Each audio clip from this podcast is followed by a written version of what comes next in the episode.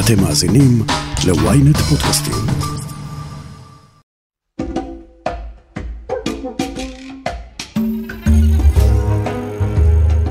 איזה חום היה בשישי האחרון, אה?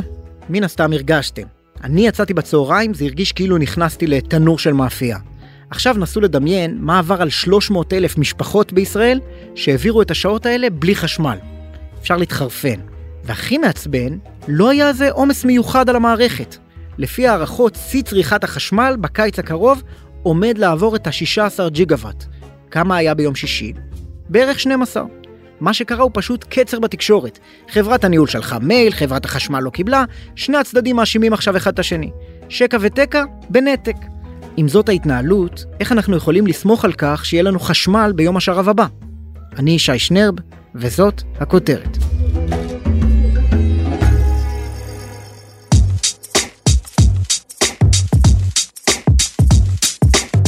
ברמה הכי פשוטה מה שקרה זה שפשוט לא הדליקו מספיק תחנות כוח לעמוד בביקוש בחשמל של אזרחי ישראל. ברמה הכי פשוטה היו תחנות כוח שיכלו לעבוד ולא לא עבדו. לא קיבלו את ההנחיה לפעול. זה עדיאל איתן מוסטקי, הוא כתב אנרגיה ותקשורת בכלכליסט. כשהוא ניסה לצלול למה שקרה כאן ביום שישי האחרון, הוא גילה, תכלס, ערימה של פדיחות. אז עושים הערכות כמה חשמל יצרכו בכל יום, אה, בכל שבוע, ולפי זה מדליקים את התחנות. מי שאחראי על זה זה חברת נוגה, שעד לפני שלוש שנים הייתה חלק מחברת החשמל, אה, ובמטרה להפריד חלקים בשוק החשמל היא יצאה להיות חברה עצמאית. שלום רב, מכובדים, יקרים, בוקר טוב וברוכים הבאים לטקס העברת אחריות על יחידת ניהול המערכת והשלמת הקמת חברת נוגה ניהול מערכת החשמל. במסגרת זו הוחלט להקים חברה עצמאית, בלתי תלויה ומקצועית, שתפעל לאספקת חשמל סדירה באמינות ובאיכות לכלל הצרכנים בשגרה ובחירום. נוגה טעתה בהערכה שלה. אה, במקביל היו כמה תחנות כוח שהיו בתקלות תוך כדי ובנוסף לכל זה מזג האוויר החריג של יותר מ-40 מעלות הוביל לתחנות כוח שהופכות להיות הרבה פחות יעילות. אם במזג אוויר בטמפרטורה של 45 מעלות 41 מעלות תחנות הכוח אה, מפיקות 30% פחות ממה שהן יוכלו בטמפרטורה של 25 מעלות למשל. רגע, רגע, רגע. אנחנו רגילים שכשיש הפסקת חשמל באים בטענות ל-103, חברת החשמל. מאיפה צצה לחיינו חברת נוגה פתאום? ב-2018 עברה רפורמה גדולה במשק החשמל ששינתה את כל התחום איך שאנחנו מכירים אותו. אה, בשנים הקרובות אנחנו כבר נראה מגמה שהתחילה היום שאפילו אפשר לשלם את חשבון החשמל כבר לחברות פרטיות אה, למשל סלקום או אלקטר פאוור במקום לחברת החשמל. מה שקרה נכנסו גם יצרני חשמל פרטיים ולא רצו שחברת החשמל גם תייצר חשמל וגם תחליט איזה תחנות כוח פועלות בכל רגע נתון בזמן שהיא מתחרה עם היצרנים הפרטיים. אז הפרידו את החלק של מערכת ניהול החשמל חברת נוגה אה, לחברה עצמאית והיא כרגע הגוף שמנווט ומחליט איזה תחנות כוח יפעלו בכל שעה כמה חשמל יוצר את הערכות אה, למשק. מה זה בכלל השם הזה נוגה? אה, חברת ניהול המערכת אל תשאל אותי למה. מה זה אומר בפועל מה עשו? לקחו את הצוות של העובדים מחברת החשמל הביאו הנהלה חדשה ביניהם יו"ר החברה סמי תורג'מן שהוא מכהן עד היום אותו חדר בקרה למעשה ברמה הארצית ובמקביל יש עוד שתי מחלקות. מחלקה אחת היא דואגת לתוכניות ארוכות הטווח של משק החשמל הישראלי. הם בנו תוכנית למשק החשמל עד 2030 שזה טווח מאוד קצר בעולם התשתיות והיא כבר שנה מחכה ועדיין לא אושרה. ובמקביל הם מייצרים גם את התחזיות לביקוש חשמל בהמשך ואת הניהול המיידי. אלה שלוש הנדבכים הגדולים של נוגה. אז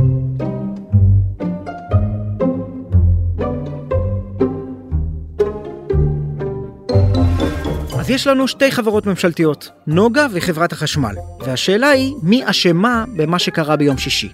מנכ"ל חברת החשמל, מאיר שפיגלר, האשים את נוגה. זה לא צריך לקרות, ולצערי הרב זה נבע מאחת מהחלטות הרפורמה שהוציאה מאחריות חברת החשמל את הניהול של מערכת החשמל והעבירה את זה לחברה חיצונית חדשה שהוקמה בשם חברת נוגה, שהיא זאת שאחראית לוודא שבכל רגע נתון יהיה מספיק ייצור כדי לתת מענה לכל הצריכה של כל תושבי מדינת אז ישראל. בעצם הבעיה... ואילו מנכ"ל נוגה, שאול גולדשטיין, האשים את שפיגלר. לצערי הרב, אה, מאיר ידידי לא למד את החומר, הוא מדבר מתוך בורות, חוסר ידע מוחלט, וחבל שהוא אומר דברים כאלה שהם ברמת ההוצאת לשם רע. פשוט חוסר אמת, וזו חברת חשמל, זה המנכ"ל שלה, עם כל הכבוד. חברת חשמל עובדים איתנו שיתוף פעולה מצוין, חוץ ממה שהמנכ"ל זורע רעל ותרעלה בכל מקום שהוא מגיע אליו. אבל הסיפור הוא הרבה יותר מוזר מזה. ביום שלישי אה, חברת ניהול המערכת שלחה לחברת החשמל מייל של שלוש שורות בבקשה תפעילו את תחנת הכוח רוטנברג באשקלון. שזה כחלק מהניסיון להיערך לצריכת יתר בדיוק. של חשמל. ביום, בדיוק. ביום שישי. חברת החשמל לא הבינו מהמייל שמדובר בהנחיה להפעיל את התחנה אה, בגלל שהמייל הובא בעוד כמה שאלות אה, ולפי חברת החשמל הם ניסו להשיג גורמים בנוגה לקבל הבהרות על המייל.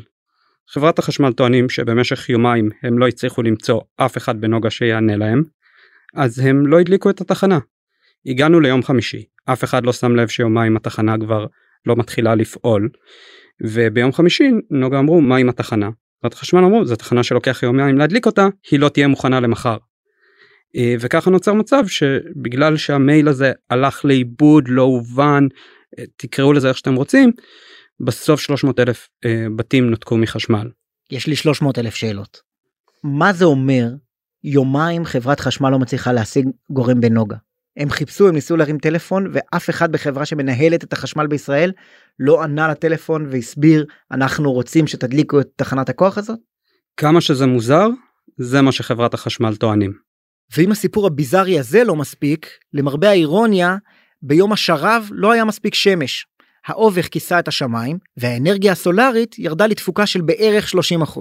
כשנכנסו אנרגיות מתחדשות לארץ וככל שהנתח שלהם גודל היום זה פחות או יותר 10% מהחשמל בישראל יותר קשה לחזות את השינויים בהפקת החשמל יותר קשה לחזות אם תיכנס לעננות לרגע אה, או לא אה, ופה מה שעושים בעולם זה משלבים מתקני אגירה מה עושים אצלנו?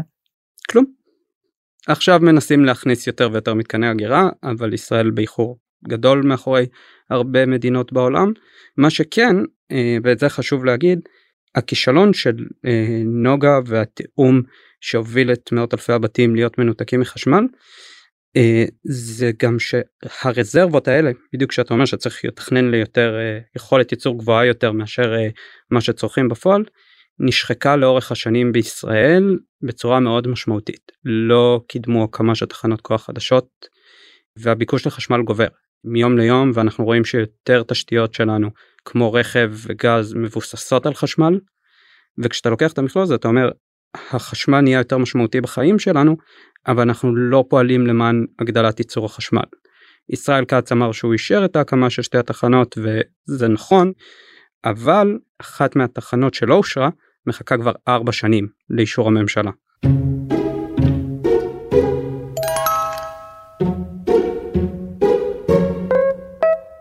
אז למדינת ישראל, שצומחת דמוגרפית הכי מהר בעולם המערבי, פשוט אין מספיק מתקנים לאספקת חשמל.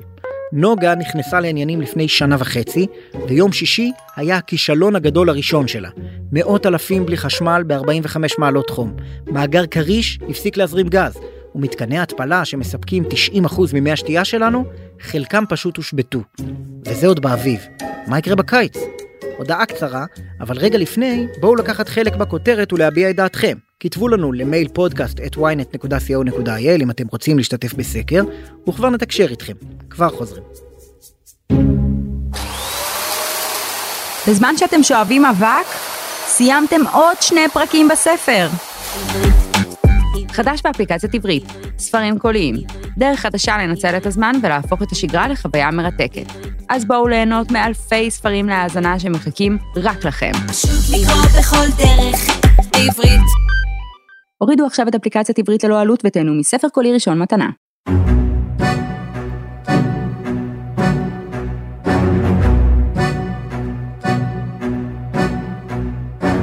הטענה המרכזית של מנכ"ל חברת החשמל מאיר שפיגלר הייתה שהרפורמה גרמה לבעיות. הקמת חברת נוגה רק יצרה יותר סרבול ויותר בירוקרטיה שהביאו לקצר הזה בתקשורת. אז צלצלנו לליאור שילת, מי שהיה מנכ"ל משרד האנרגיה עד לפני חמישה חודשים. השרב של שישי תפס אותו באמצע תקופת הצינון שלו.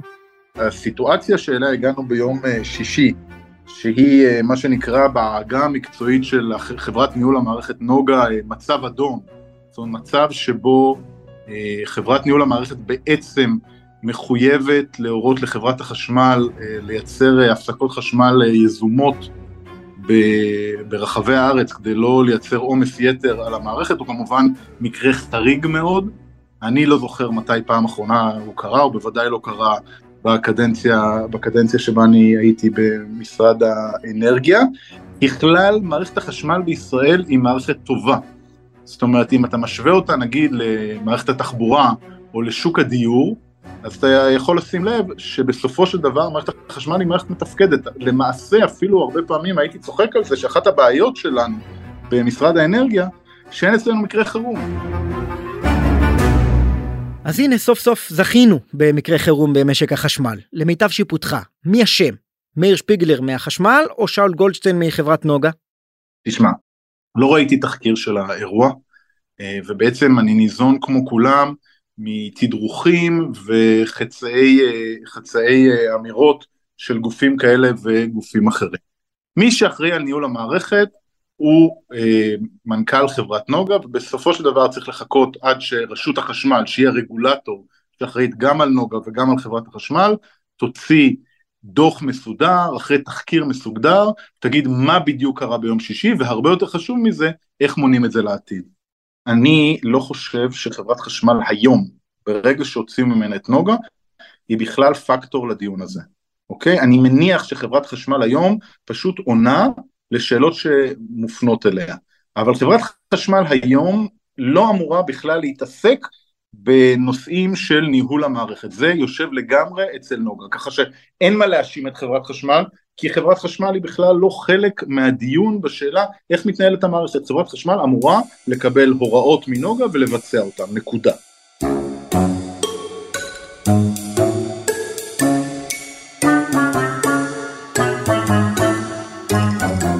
אוקיי, אז אנחנו ניגמל מהרגל לדרוש תשובות מחברת החשמל, ועדיין בנוגה מאשימים שהיה רצף תקלות חריג שחונה אצל חברת החשמל, וזה גרם לכך שאפילו כשנערכים ליותר מהתחזית, לא היה מספיק. מערכת החשמל, הדרך שבה היא בנויה, היא, היא מאוד מאוד שמרנית. זאת אומרת, מערכת החשמל בישראל בנויה כל הזמן כדי להימנע מתקלות גם בפיק הכי גדול.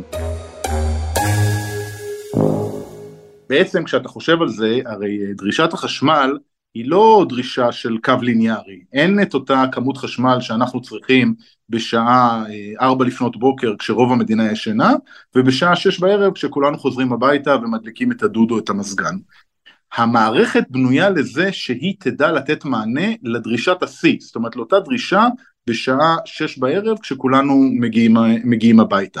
יותר מזה, למעשה המערכת נבנית לכך שהיא תדע לתת מענה לדרישה של שש בערב, לשעות הפיק של שש בערב, גם אם אחת מיחידות הייצור כושלת באותה שעה.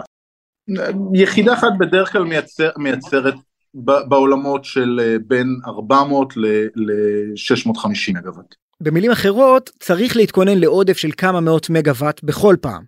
איך זה עובד בפועל, בצנרת קבלת ההחלטות? אז אני אגיד לך איך זה עבד בתקופתי, ובתקופתי לא היה, חשוב לומר, לא היה אירוע קיצון של מזג אוויר של חום, אבל כן היה אירוע קיצון של, של קור. היה מדובר בסופו של דבר על השיא של צריכת החשמל במדינת ישראל באותו, באותו ערב. ליאור מספר כאן על ערב אחד בינואר 22, שבו צרכנו כמדינה יותר מ-14,800 מגוואט. במקרה כזה, בדרך כלל יש יחידה, יחידת ביטחון וחירום והיערכות לחירום במשרד האנרגיה, והיא מייצרת איזושהי הערכת מצב.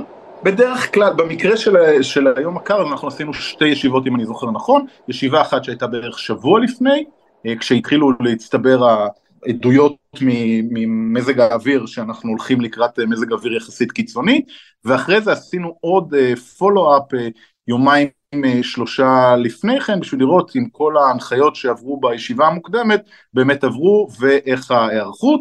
ביום האירוע עצמו אה, אני כמנכ"ל הייתי בקשר אה, שוטף עם הגופים, בייחוד בנוגה.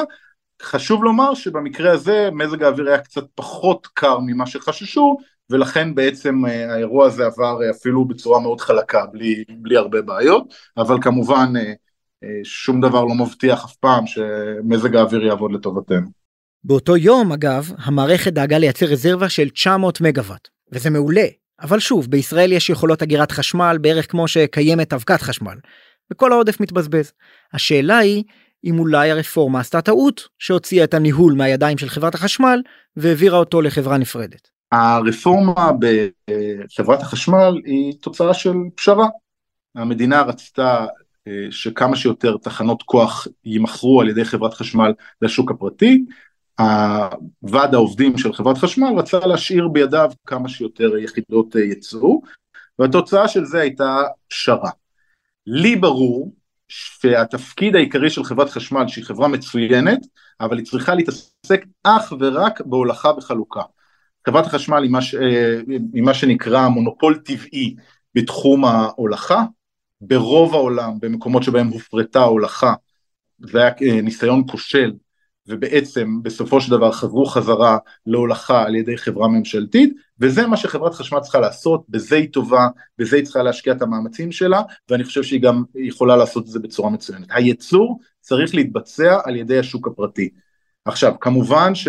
כמו שאמרתי, הרפורמה הייתה פשרה, אז מי שנשא ומתן מטעם המדינה נאלץ להתפשר, אבל אם אתה שואל אותי בראייה הנכונה של מדינת ישראל, תחנות הכוח צריכות להיות בידי השוק הפרטי, אין לממשלה שום יתרון יחסי על השוק הפרטי בעניין הזה, וגם התחנות שהיום נמצאות בידי חברת חשמל בראייה עתידית צריכות להיות בידי השוק הפרטי כדי לפנות את חברת חשמל לעשות את מה שהיא עושה הכי טוב וזה לנהל את מערכת ההולכה והחלוקה של מדינת ישראל.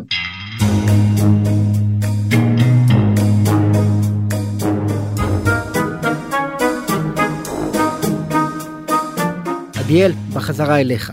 בהסתכלות קדימה, מי בכלל מטפל במצב ודואג שהכשל של יום שישי לא יחזור על עצמו עוד כמה חודשים?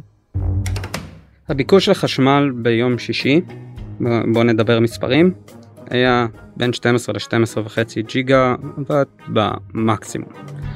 הציפייה בקיץ באוגוסט היא יותר מ-16 ג'יגה וואט. אז כשאנחנו לא הצלחנו לעמוד ב-12 ג'יגה וואט, איך נעמוד ב-16? סך יכולת ייצור חשמל בישראל היא 17 וחצי. וזה אומר שאם תחנה עכשיו בתקלה או בתחזוקה, אנחנו על הקשקש. אה, וכשמשבר האקלים נהיה חריף יותר והקיץ נהיה חם יותר, האנשים רוצים יותר קירור, מה שמגדיל את הביקוש לחשמל.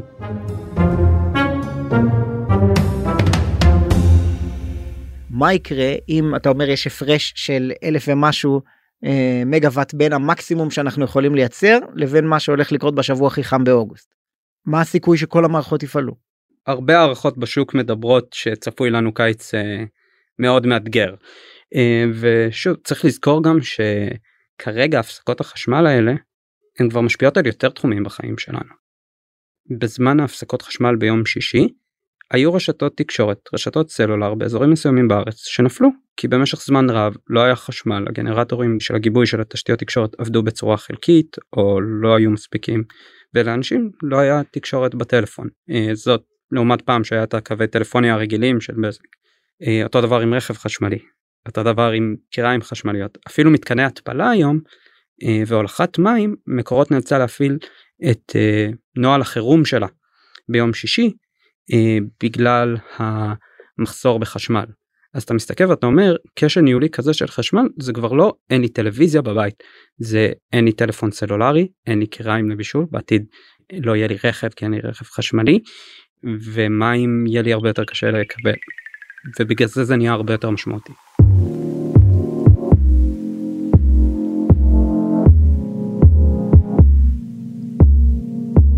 הנה רצף קלישאות מחשמל. עד שכוכב נוגה יתקרב קצת יותר אל השמש, או עד ששר האנרגיה יגלה שחשמל זורם בכפות ידיו, כדאי להיערך לקיץ מאתגר. אפשר לראות את האור בקצה המנהרה, אבל עדיף לסמוך על גנרטור. עד כאן הכותרת להפעם. תודה לעדיאל איתן מוסטקי כתבנו, לליאור שילת, ותודה לכם שהאזנתם.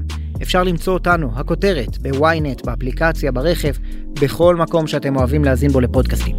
אם זה באפל או בספוטיפיי, נשמח אם תדרגו ותגיבו. על הדרך, האזינו לעוד פרק שאולי יפתור את הבעיות שלנו. למה אין בישראל תחנת כוח גרעינית? תודה לכל צוות הכותרת, שרון קידון, רועי כץ וגיא סלם, אני שי שנרב. להתראות.